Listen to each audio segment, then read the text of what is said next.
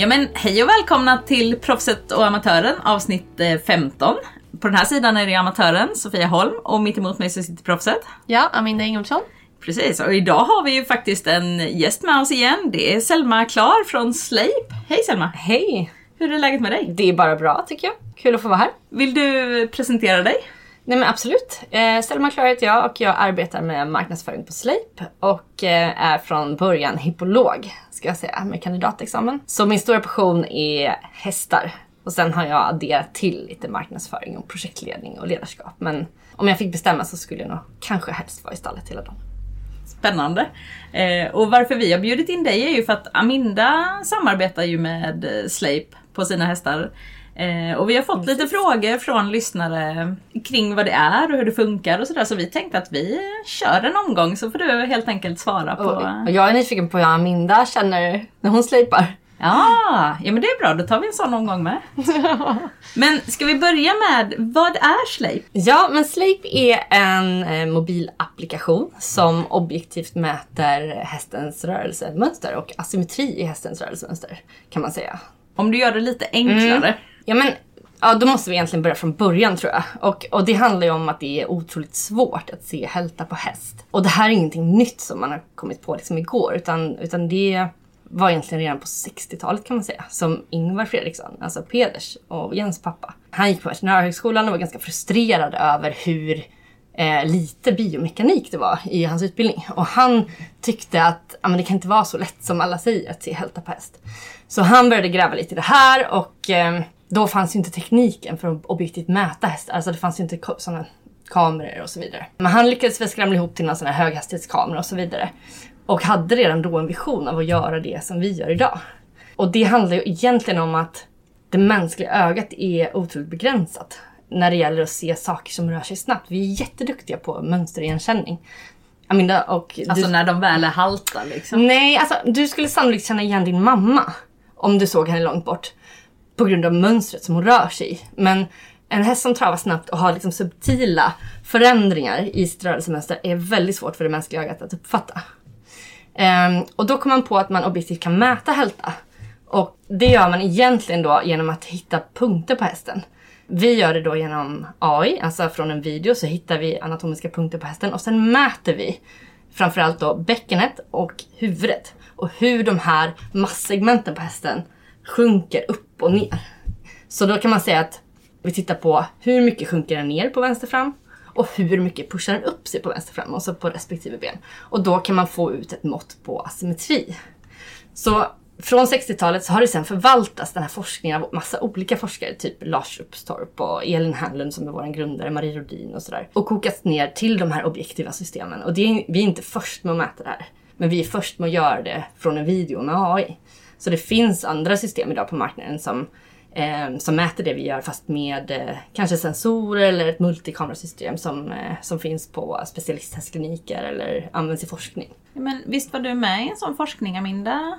Ja, jag var lite med. Mm. Då hade vi ju såna vita pluppar på hästarna. Och det, det här är ju mycket enklare. Just det här att du kan ta din mobiltelefon, filma hästen och få en analys på det. Och, och det är väl det som är med, med Sleep, just att det du behöver är en telefon och applikationen. En ganska bra internetuppkoppling för du behöver ladda upp filmen. Men de andra systemen, de är, de är jättebra. Men de är inte så tillgängliga. De är lite dyra att investera i, du behöver hålla på med den här hårdvaran och så vidare. Så när vi kom med Sleep så blev objektiv rörelseanalys helt plötsligt någonting för alla kan man säga.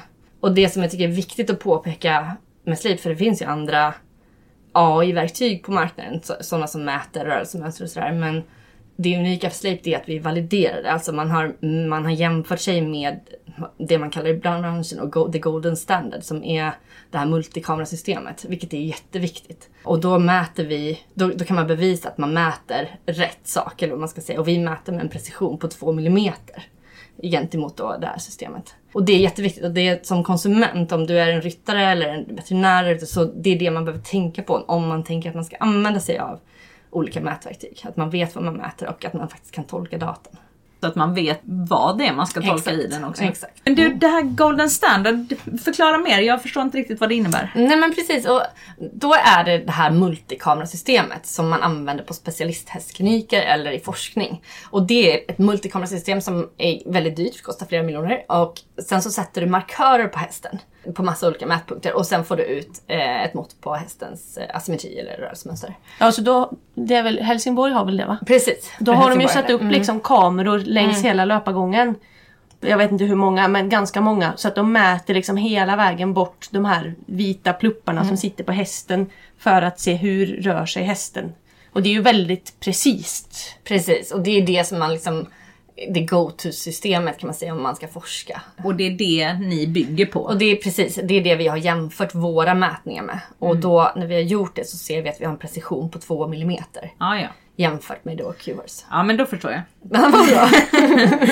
Ja. Eh, vilka är ni på Slape? Vad har ni för eh, kunskaper bakom er? Du pratade lite om det, men vill du... eh, ja men precis, och vi har två grundare som är en är ingenjör och den andra är Elin Hernlund som är veterinär och biomekanisk forskare på SLU. Och det här var väl egentligen då hennes idé på något sätt att kunna göra objektiv rörelseanalys tillgängligt och i en mobil med AI. Så, så vi har en, en väldigt stadig grund i forskningen skulle jag vilja säga.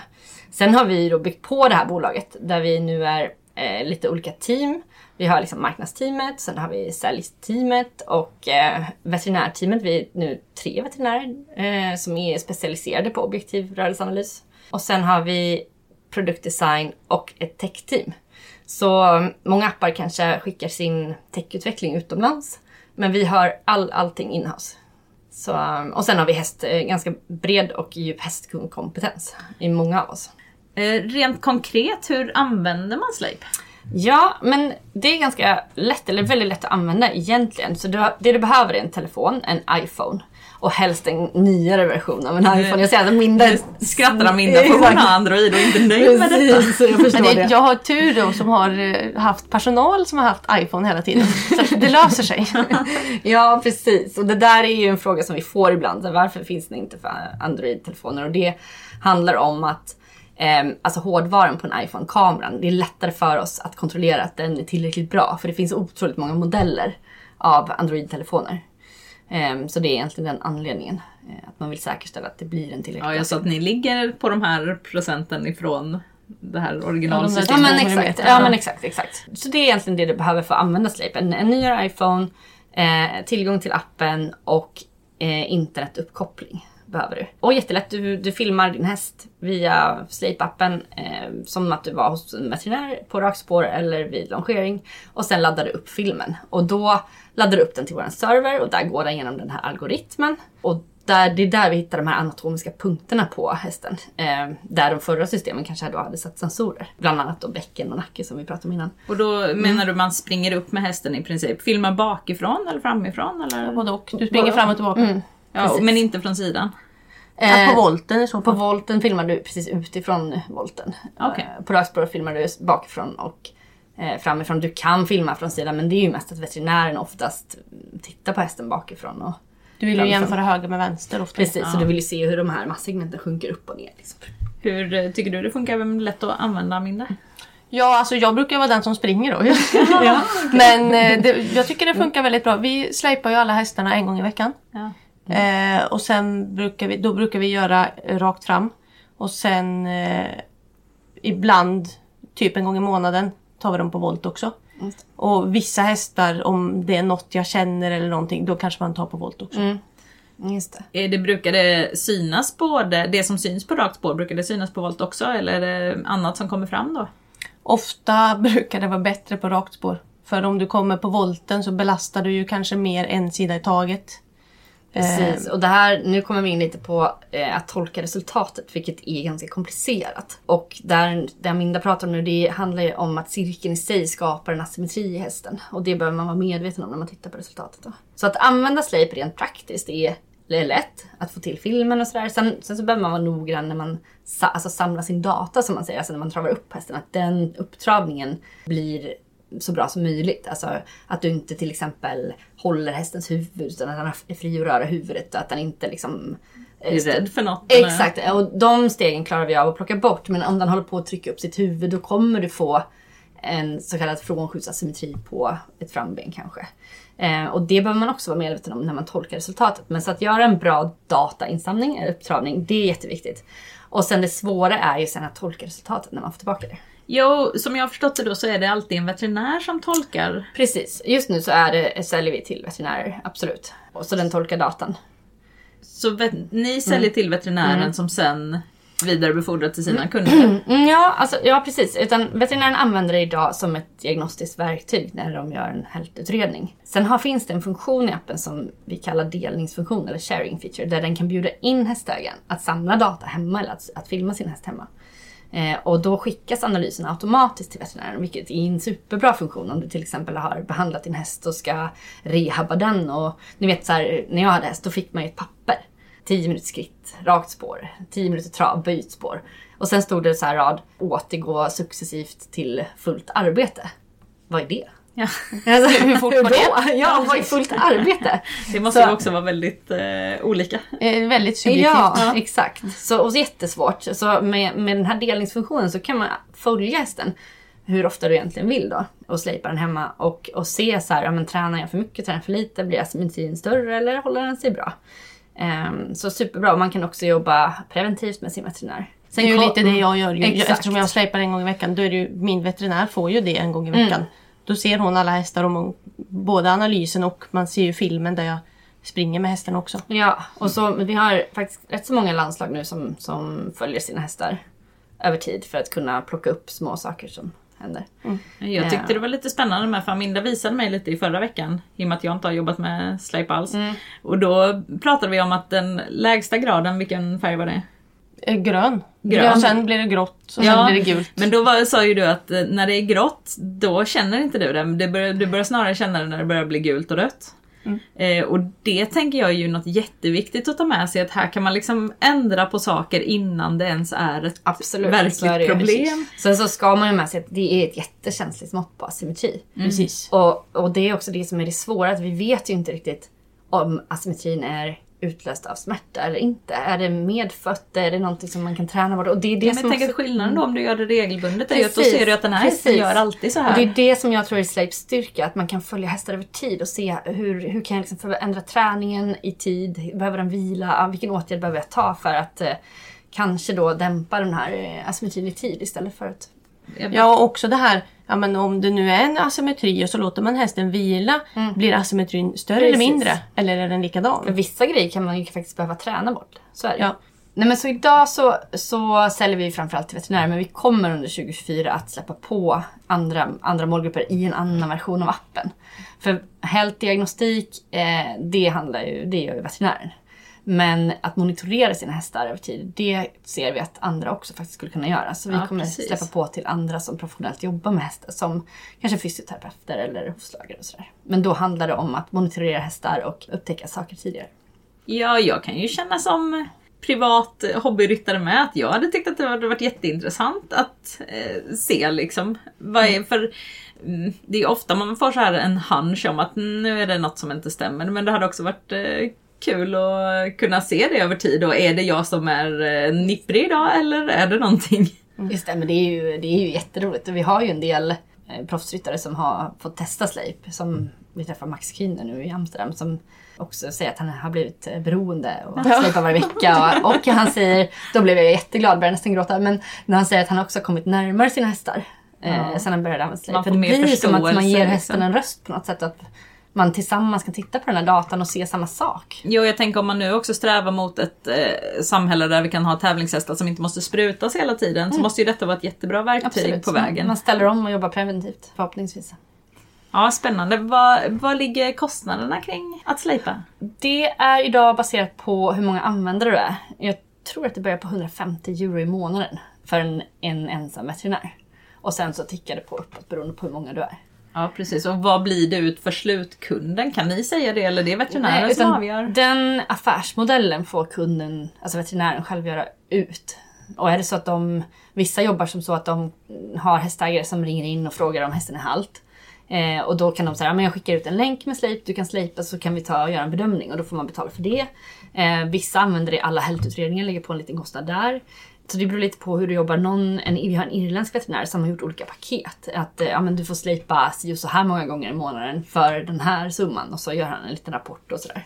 Så det beror lite på. Det har vi egentligen lämnat till veterinären att få göra den, den affärsmodellen. Sen så är vår önskan att kunna stötta dem i det och komma upp med bra exempel och sånt. Så det jobbar vi lite på nu. Ja, det har ju växt väldigt mycket senaste tiden. Eh, bara på de åren jag har Ja. använt, eller ve- vetat om Sleep. Eh, vart i världen finns det nu liksom? Men vi finns ju nästan överallt. Jag- Jag tror att det är närmare 40 länder faktiskt som, eh, som, som vi finns i. det är ganska häftigt ändå. Det är jättehäftigt. Det är det.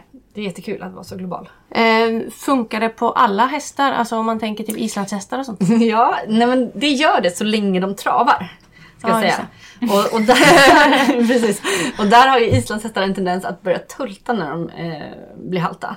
Så det, kanske, det är väl en av problematiken. Och, och travhästar då som ibland kanske kan passa. Och sen så finns det, alltså om de har mycket pannlugg och mycket man. Så har, kan vi ha lite svårt att hitta den här anatomiska punkten som sitter på nacken. Eh, men då kan man oftast bara liksom ta en snodd och sätta upp och så hittar vi den. Eh, men annars, så länge hästen travar och vi kan hitta de här punkterna så, är det, så funkar det på alla. Trav och inte för mycket fluff. Exakt. Hur, eh, om man nu vill börja slipa, hur hittar man en ansluten veterinär? Ja, det är en mycket bra fråga. Vi, vi har ingen sån karta idag på hemsidan. Men eh, man kan absolut höra av sig till oss. Ja, så kan ni Eh, guida så vidare. guidar vi vidare. liksom. Absolut. Och en del veterinärer har det på sin hemsida. Det är inte jättemånga i dagsläget, men, men vissa har det. Och i Sverige så är det faktiskt många som har slip, skulle jag säga. Ja, många av veterinärerna. Ja, precis. Så hur, hur lagras resultaten? Ligger de bara lokalt eller ligger de hos veterinären? Eller behåller man filmen själv? Eller hur? Ja, men det är en bra fråga. Och där, alla resultat lagras på en server, eller ett moln kan man säga. Eh, så om du tappar din telefon eller du behöver byta telefon eller den blir snodd, då finns all data sparad. Alltså fi- filmen och analysen finns sparad. Så det tar ingen plats på din telefon. Nej, men du har den i din telefon så länge du... Alltså på ditt konto. Du har den i din app, liksom. precis. precis. Typ som du har din mail. Ah, ja. Du kan gå in från en annan dator också och logga in. Exakt. Liksom. Exakt. Eh, men hur använder man Slape i sitt team? Ja, men det finns ju många olika team. Aminda, du använder det ju sannolikt på ett sätt. Ja, jag har ju min veterinär då som tittar på mina filmer varje vecka. Och sen har jag ju även landslagsveterinären som jag också kan släpa till. Så att eh, ibland råkar han få några när jag råkar göra fel. Eh, och eh, ibland gör man medvetet då att han också ska få se. Eh, men som det är uppbyggt just nu så har liksom varje veterinär har ju sitt eh, konto, eller sin häst liksom. Så att om jag vill släpa slipsen till veterinären, landslagsveterinären så måste jag gå in på det kontot och om jag vill till Helena så måste jag in på ett annat. Släpar du alla hästar eller bara de som går aktivt? Alla tävlingshästarna. Så att det blir lite springa varje vecka. Just det. Nej, men och det, är ju, det är ju ett sätt att använda det på och som är superbra, att kunna dela data. Och, och vi vet att vi gjorde en intervju där med dig och Enar och Helena som är dina landslagsveterinärer och din eh, behandlande veterinär här hemma. Och de tyckte också att det hade blivit lättare att prata om dina hästar. För att de får den här objektiva bedömningen. Så, um, Ja, om man kan peka på så här ser det ut här. Ja men Precis. exakt. Så de slipper förklara, ja, men jag tror att det är lite sådär. Så, så får de faktiskt någonting att kolla på. Nej, men Sleep finns ju där i många olika team. Som till exempel en veterinär som remitterar till en fysioterapeut eller en ekoterapeut. Eller tvärtom. Eh, och sen finns det sådana team som Aminda jobbar i eller... Eh, Ja, egentligen stora samlingar med hästar Precis, också. Alltså precis. stora stall. Stora stall. Där man kanske inte hinner titta på alla själv. Exakt. Vi har ett jättestort galoppstall i USA som, som slipar alla sina hästar och är kopplade till massa olika veterinärer och sådär. Um, så, så att få liksom den här gemensamma datan att titta på, det blir en styrka för hela teamet. Ja, och någonstans att man alltid kan eh, referera till någonting som har hänt tidigare. Mm. Och att det faktiskt är sant, inte bara det man tror att man kommer Precis. ihåg. Liksom. Så det är ju många veterinärer, eller många men en del som, som kommer ut och kanske är lite nybakade från veterinärhögskolan och, och det är inte helt lätt. Man står med ganska mycket press när man ska bedöma hälta eller när man jobbar med djur och kanske människor också. Men eh, där man har sett att psykisk ohälsa också ökar bland veterinärer. Och där kan Sleip också fungera lite som ett kollegialt stöd. Man kan eh, skicka filmer till varandra från Sleip och, och sådär och få liksom en second opinion så man inte känner sig sådär ensam. Jag tänker också typ vid försäljning och sånt så måste det också vara ett väldigt stöd för veterinärerna att här är det objektivt eh, istället för att man själv tycker någonting. Precis, och, och där jag tror jag att veterinärer har varit lite försiktiga faktiskt med att börja använda det på besiktning för att man inte riktigt är 100% på hur man kan bedöma datan den enda gången som hästen kommer in. Och det har ju egentligen med att göra att man skulle vilja ha den här longitudinella datan på hästen. Så skulle de haft det och hästen kom in och man kunde slipa den så, så tror jag att de hade absolut kunnat eh, hitta stöd i det. Ja precis, för man måste ha hänsyn till hästens egna, Egna rörelsemönster. rörelsemönster. Precis. Och, ehm, vid, vid besiktningar så handlar det egentligen om att göra en riskbedömning. Ja, av det man den, den ska inte vara perfekt utan den ska... Exakt, exakt. Mm. Nej men det är ju fortfarande också ett sätt att ja, men, om man nu köper en häst och att man släpar den ganska tidigt. Mm. Li- lite som om man gjorde det på besiktningen också. Då kan man i alla fall följa hästen och se är det någonting som blir sämre och sämre Precis. eller är det någonting som redan var där? Ja, men Utan att det är lite något som problem. att ha en röntgenplåt. Ja, exakt. Att här har vi någonting som är lite skumt. Nu ser vi hur det är två år senare. Mm. Ja. Och där kan man ju ha hästar med röntgenfynd som funkar hur bra som helst och Mm. presterar. Sen kan ju någon med samma röntgenfynd Inte fungera så bra. Så det Precis. är, Nej men där har man något att jämföra med så Ja. blir det ju lättare. Precis. Ja. Ja. Hur, eh, ridskolor och sånt, är det några sådana som använder det? Ja, vi har gjort ett litet pilotprojekt faktiskt med Varbergs ridskola. Det är två jätteduktiga hippologer som driver den. Eh, de är superkunniga och de som har Florian Lackner som veterinär. Eh, så de har testat sharing-funktionen, alltså den delningsfunktionen, eh, tillsammans med honom och, och hittar ja, men ganska mycket fördelar i det också. Att kunna tweaka träningen och, och följa hästarna över tid. De har ett fall där de har haft lite svårt att hitta själva orsaken till hältan. Och nu, nu har de liksom hittat, behandlat och nu kan de också följa den här hästen. Och känna sig otroligt säkra i att kunna rida på eh, när de har slip. Ja, för det reagerar jag på att ni sa bägge två i början. Det här med att det är ju inte alla saker som man ska vila sig ifrån utan det kanske snarare handlar om att stärka upp. Eller kan, kan inte ni prata om det? Ja, men, alltså, det är ju lite som man själv, ja, men om jag inte går till gymmet, då får jag ont på vissa ställen. Håller jag med, går jag till gymmet, gör mina övningar, tränar, håller igång, stretchar. Då får jag ju inte ont, utan då håller jag mig friskare. Och det är ju samma sak med hästarna. Man kan ju faktiskt rida bort vissa grejer. Alltså muskulatur och, och sådana saker som Absolut. kanske annars hade blivit en hälta till slut. Ja, absolut. absolut. Och ja, men det ser man ju bara på sig själv precis nu när man börjar bli lite äldre. Gammal ridskada i axeln och så här, jag får också ont och det handlar ju om att träna på rätt sätt. Kanske. Och, och det tror jag att vi hästmänniskor också kan bli bättre på. Att man, att man vet vilken typ av vävnad är det jag tränar med vilken typ av träning. Alltså riktar jag mig mot hästens hjärna? Eh, Är det kommunikationen mellan hästen och människan jag tränar på idag? Eller är det syreupptagningsförmågan? Eller är det sen? Alltså sådär, vilken struktur är det jag faktiskt tränar med den här träningen? Har ni någon, eh, liksom, det känns ju som ni sitter på otroligt mycket kunskap. Finns Mm. det något sätt att ta del av den mer än... Ja, vi, just nu så är vi väldigt fokuserade på att få ut material om hur du ska tolka datan och hur man använder Sleip på bästa sätt. Så, så det är väl egentligen vårt fokus just nu. Sen så när man kanske breddar sin målgrupp så behöver man ju bredda sin kommunikation. Ja. Och då, då är det ju vår tanke att självklart vara, vad ska man säga, ex- experterna på det här ämnet. Och det har vi all möjlighet att vara med de här eh, veterinärerna som vi har knuten till och, och så vårt nätverk och sådär. Så det ser jag som det absolut roligaste att få, få jobba med kunskaper inom hästcommunityt på något vis. Ja, för det känns som det där är ju saker som jag också känner. Alltså, vad ska man säga? Jag har ju ridit sedan jag var liten, men jag gör ju väldigt mycket bara på att på känsla eller att det här känns, Mm. liksom, Jag har nog inte jättemycket teori bakom mycket jag gör. Liksom. Eh, Att det hade varit väldigt intressant att eh, ta del av de bitarna som ni faktiskt har forskat fram. Ja, precis, precis. Ja, och lite också det här med alltså, forskningsrapporter kan man ju leta reda på ganska många saker själv. Sen vet man ju inte alltid vad man letar efter.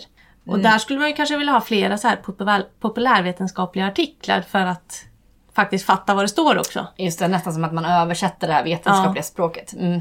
Ja, och Absolut. det är ju inte så ofta kanske man har tid att sitta och läsa igenom 80 sidor. Alltså att någonstans hade man behövt ha det lite mer samlat och lättillgängligt Mm. liksom. Eh, Och förståeligt för gemene man. ja. Precis, Det absolut. kanske kan bli ett framtida projekt att eh, sammanfatta Ja, men vetenskapliga bara- artiklar. Ja, men absolut. Hur länge sen var det Sleip grundades? Vi grundades 2020. Mm, Sen så det är ju började- ganska nytt. Det är jättenytt faktiskt. Eller jättenytt, men det är fyra år snart. Så, um, och vi började lansera på marknaden 2021, lite smått i Sverige bara. Och sen tog det väl fart någon gång 2022. Ja, jag känner, då har jag varit med Jag ganska länge. säga, då var du en av de första nästan i... Ja, vi var, Enar var nog ganska tidigt då. Alltså Ena våran var landslags... jättetidigt. Ja, det var han. Så vi har några sådana här Marcus Swale, Irlands landslagsveterinär och tyskarnas landslagsveterinär Marcone och gänget och eh, Enar. De var verkligen så här early adapters kallar vi dem. Så det är kul och de har ju hängt med. Jag tycker det är spännande med för många är ju väldigt rädda för AI och tänker att oh, det blir så här. Men Mm. jag ser så många fördelar med Ja, att... just det där objektiviteten. Ja, Att man Ja. inte bara tycker något utan att det faktiskt är något. Alltså Precis. att man har lite forskning bakom som säger att ja, men, tekniken säger det här.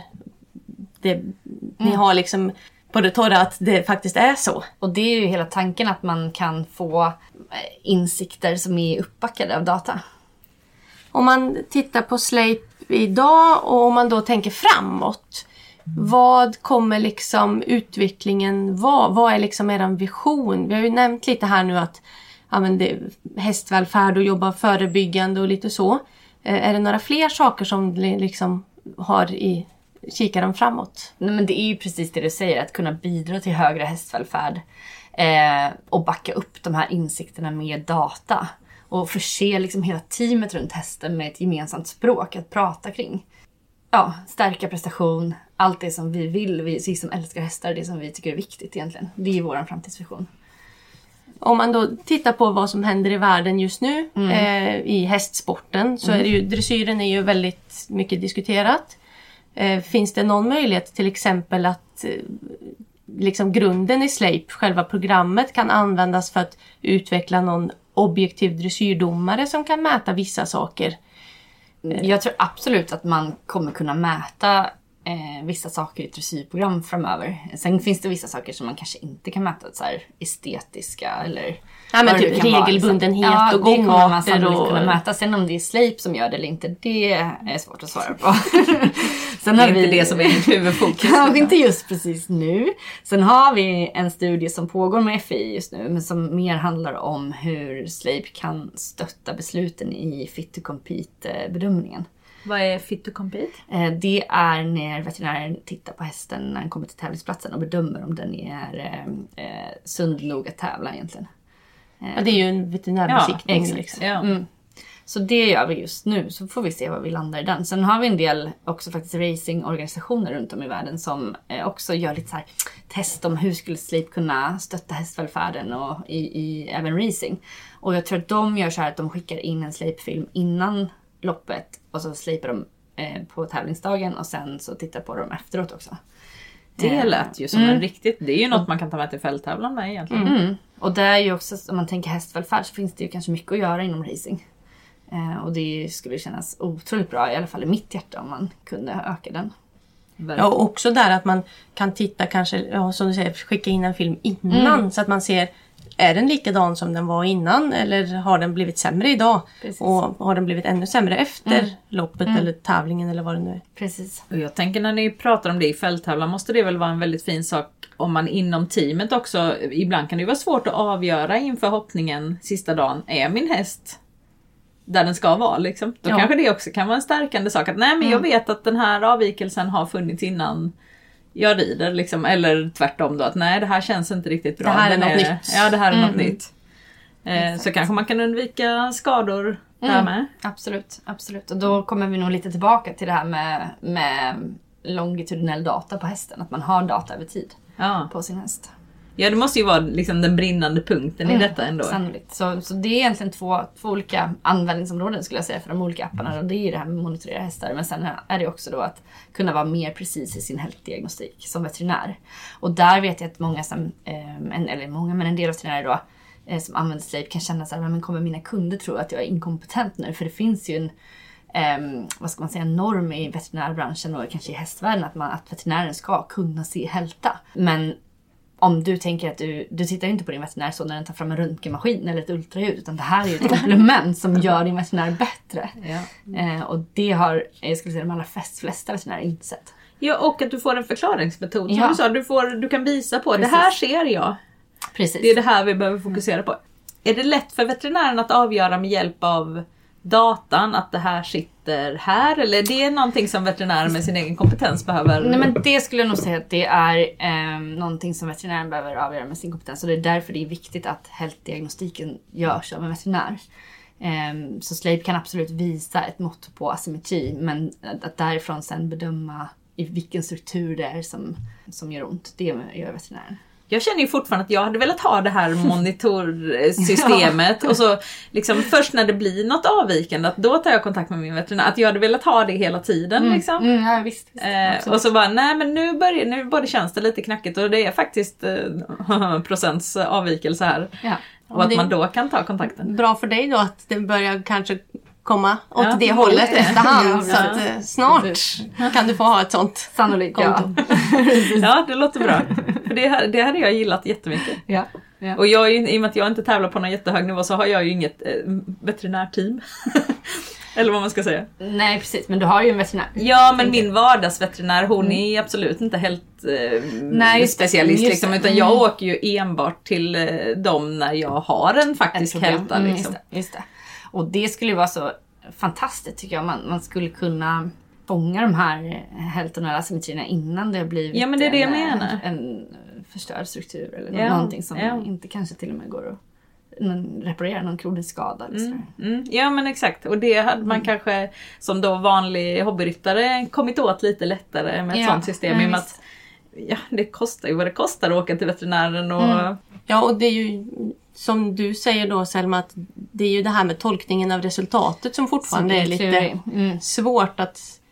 Ja men om du ser att okej men det är mycket mer på ett ben än ett annat eller Mm. om alltså Nu får man ju, det jag visade dig det är ju den förenklade delen av det hela. Det är ju Precis. ganska avancerat det svaret man får för det ingår ganska mycket information. Mm. Och det är inte helt lättolkat. Nej, Nej, det är inte det och, och hästen har ju eh, fyra ben och kan kompenseras på många olika sätt. Eh, och det tar ju inte Sleip hänsyn till utan vi, ser vi en eh, hälta på, eller en asymmetri på höger fram och vänster bak så, så visar vi det och sen måste ju veterinären avgöra är det kompensatoriskt eller vad, vad det Ja men det, det förstår jag verkligen. Det är ju det jag Mm. menar att då hade man ju... Det är väl det som är det svåra, att det går ju inte att sätta en gräns för Exakt. hur privatpersoner ska använda Nej, det. Liksom. nej, och sen det som man ska ha med sig också det är att eh, vi mäter den vertikala förflyttningen av de här masssegmenten. Sen finns det ju andra saker som hästen kan göra för att säg det där kompensera. på svenska. vad sa du? Okej, vänta.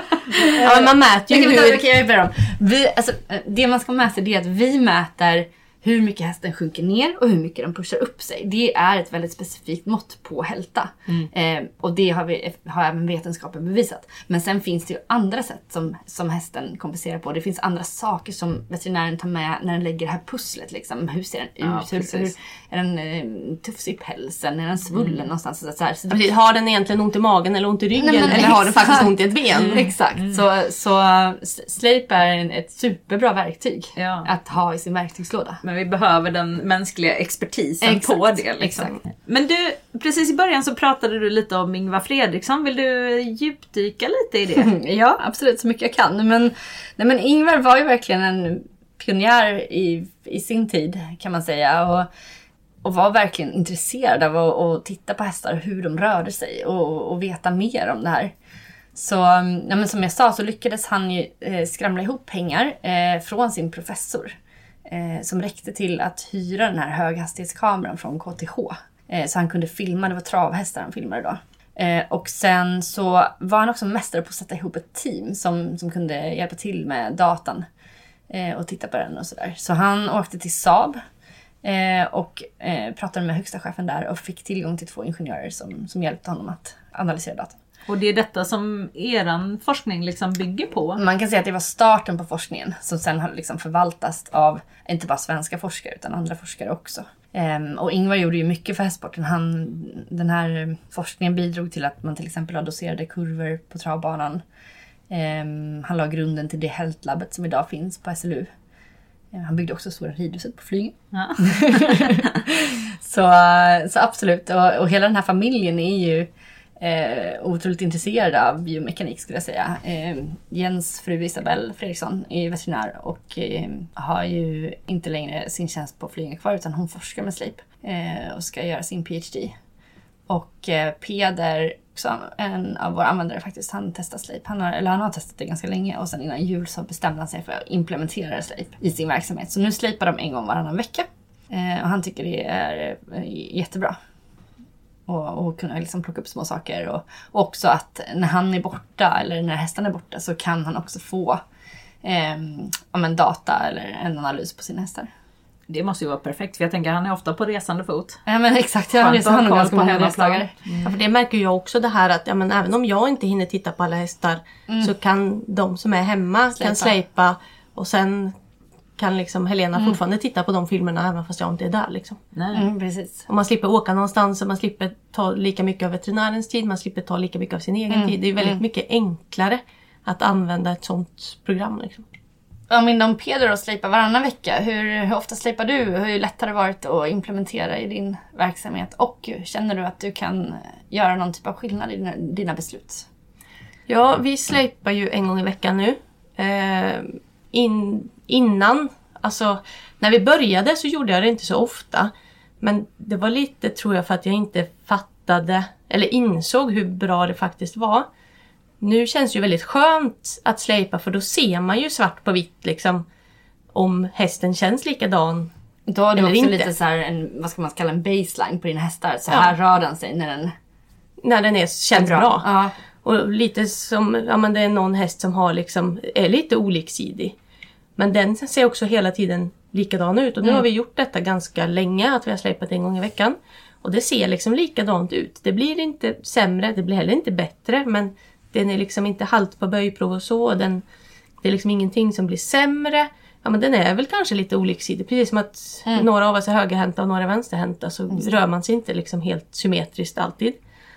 Och de fungerar liksom och verkar må bra. Ehm, och det är ju ganska viktigt också. Ja, men om jag rider och så tänker jag mm, känns kanske lite si eller lite så. Ja, men då kan man ju släpa och så kan man se är det någonting som är annorlunda eller inte. Och är det inte det så bara, ah, men det var nog bara jag som inbillade mig. Eller så kanske det sen kommer två, tre veckor fram att det kanske kommer någonting. Men då har man också då vågar man, om, om det ser bra ut så vågar man kanske rida istället för att sitta där och fundera. Mm. Och antingen kommer det något eller så kommer det inte något. Men. Då ser man ju om det kommer något. Mycket tidigare än vad man kanske, ja ska jag åka till veterinären eller ska jag inte? Nej men då kan man släpa istället och så får man liksom ett kvitto. Hur har ditt samarbete med Helena förändrats? Eller har ni... Alltså vi har ju haft ett väldigt bra samarbete sedan innan men det är ju också, hon tittar ju på filmerna varje vecka och då blir det ju att hon säger att ah, men den här vill jag titta på nu. Och då kommer jag dit och så får hon titta på den så säger hon nej men jag kan inte hitta något idag men vi håller koll på detta ehm, och ser om det förändrar sig. Och speciellt om det kommer nya hästar eller så som man kanske inte har någon över lång tid. Det. Utan det är ju mest om det blir en förändring. Eh, Och också då de nya hästarna att hon ser, ja men okej den ser ut så här. Hur ser den faktiskt ut in, IRL, alltså in real Mm, life? mm. När jag faktiskt tittar på den, känner på den. Mm. Och också det här med röntgenbilder och sånt. Att ja, men är det någonting så kanske man vill titta på en röntgenbild på ett ben. Men just det där att man har den där baselinen liksom. Det är väldigt viktigt. Det känns väldigt bra. Måste det inte också bli en väldig förstärkning av din magkänsla? Att Ja. du kan liksom lita lite mer på vad du känner när du ser resultaten i Sleip. Liksom. Ja, för ofta är det ju så att känslan stämmer överens. Då är det liksom, Ja, ah, men den här, den här hästen har ju inte kanske gått så bra. Ja, vi får se vad släpen säger nästa vecka liksom. Och så släpar man och så ser man Antingen så kan det ju vara så att hästen bara hade en dålig dag eller två och sen har den känts bra. Eller så är det någonting som kanske har känts hela veckan och då är det ofta någonting som syns. Så att man lär ju också sin känsla, alltså kä- lär känna sin känsla bättre. Att våga lita på att det man känner faktiskt är sant. Och det är faktiskt många veterinärer som säger också så här att de eh, då validerar sig, alltså de jämför sig med Sleip. Eh, Johan Lenz, han är en otroligt ödmjuk veterinär. Han, eh, och en tävlingsmänniska utan dess like. Så han tävlar ju mot Sleip. Så han slipar och sen så tittar han inte på resultatet. Utan så bestämmer han sig för vilket ben då det. Och sen tittar han på, på resultatet. Eh, Så det sporrar honom till att bli bättre säger han. Och så Så är det det måste ju. vara en jättebra utbildningssätt Absolut, också inom veterinärhögskolan. exakt. Och man har sett, det här var Elin då, vår grundare, hon är helt förtvivlad för att hon tycker att hon är så duktig på att förklara och hon, hon är väldigt duktig på att förklara. Hon tycker inte bara det, hon är faktiskt det. Men, men då har man sett att titta på hästar i slow motion är det bästa sättet att lära sig att se hälta. Och där ska man också tänka på att om du hela tiden, säg att du hela tiden validerar det mot dig själv, men du hela tiden tar fel ben. Då kommer du bli bättre på det. Ja. Ja, för det har jag tänkt på för man har ju den där filmen eh, i appen sen. Och så har man ju de där kurvorna och lite linjer och sånt. Och då kan man ju titta liksom på filmen i slow motion och så ser man Ja men det är kanske lite så eller lite si. Och så får man liksom, man hinner ju kanske inte se det Nej, i verkligheten. det- För det är så många saker att titta på samtidigt. För man vill titta kanske på om man nu tittar på frambenen Mm. så vill man kanske titta på huvudet också och på benen och ofta ser man ju själv från sidan. Alltså man hinner inte riktigt med. Nej. Det är ganska skönt att se det i slow motion. Jag märkte med vår förra ponny var ju skäck. Med väldigt stora färgfält. Och jag kunde inte Nej, se om han haltade eller inte för han var så ojämn i sin kulörsättning som jag blev helt yr i huvudet istället. Där hade verkligen slip Ja. behövts. Hur eh, funkar det, alltså om man tänker slejp, olika färger på hästarna? Är det något som är lättare, svårare? Bakgrunden? Är något speciellt man ska tänka Ehm, på? Just det. Nej, men nu, färgerna har egentligen inte så stor betydelse så länge de inte liksom smälter in i bakgrunden. Ehm, så det man ska tänka på är att ha bra ljus och inte för mycket kontrast. Det kan störa lite grann liksom, om du filmar rakt in i solen eller sådär. Men det är väl liksom det enda tänker jag som, som kan störa när det gäller, gäller det. Den bryr sig inte om när man skäckar. Nej, inte riktigt. Det gör de inte. Diskriminerar inte på det sättet. Den diskriminerar bara om du kommer i en annan gångart. Exakt, ja. Gångart, det, det är väldigt eh, viktigt. Har ni eh, slejpat någonting annat än hästar någon gång? I början var det någon som skickade in en hund och då typ kraschade allt kommer jag ihåg. Det här var väldigt, väldigt i början. Sen tror jag, undrar om det inte var någon som skickade in en åsna, men den gick inte igenom faktiskt. Så nej. Man tänker ju alla, i princip alla djur travar ju. Mm. Det finns ju några undantag, typ elefanter går väl passgång eller sånt där. eller? Jo det gör de nog. Ja, Eller är ja. det giraffer? I don't know. Men alltså egentligen, så länge de har då eh, huvudet i- Mm. i lite samma höjd som kroppen. Alltså giraffer kanske är Du svårt. får inte plats med den på Den är lite lång. Eh, och så kanske inte bäckenet syns lika bra på en giraff eller? Eh, Det är en bra fråga. Jag hade nästan kallat in min AI-expert Felix. Men ja, sen så vet jag om vi pratar om att, att titta på hundar och sådär. Att de kan ju variera mycket mer i, i utseende. Så att, att lära sig hur en hund ser ut kanske då kan vara svårare än att lära sig hur en häst ser ut. Om man tänker jämför en, eh, precis. jag vet inte, en sån här jättehårig... Chow chow men Ja, eh, ja, exakt. vinthund. Exakt. Ja, för jag tänkte faktiskt hund när jag ställde frågan. Jag Inte förstod giraffer. Jag har inte så många giraffer. Nej, precis. Så, men det är klart, det kommer säkert, eh, det, det, det finns de säkert som kan göra det också. Ja, för hundar där skulle man ju verkligen vilja se slow motion för de är ju lite, har ju lite kortare ben så att det går ju ofta fortare. Precis. Sen vet jag inte hur, hur stor liksom, hälta på hundar är. Det, är det kanske Det är klart. Ja, Om vi som har hästar så är- jakthundar, Ja. där är det ju... Just det, brukshundarna. Ja, Mm, alltså mm. det kan ju vara svårt, speciellt om vi har haft en som växte väldigt fort och han haltade mycket hela sitt första år. Liksom. Just Då det. har det varit bra att ha lite... Liksom, Släktdata på den. Ja, mm, just det. Ja, det är en här utökad marknad sen. Ja, man vet. You never know.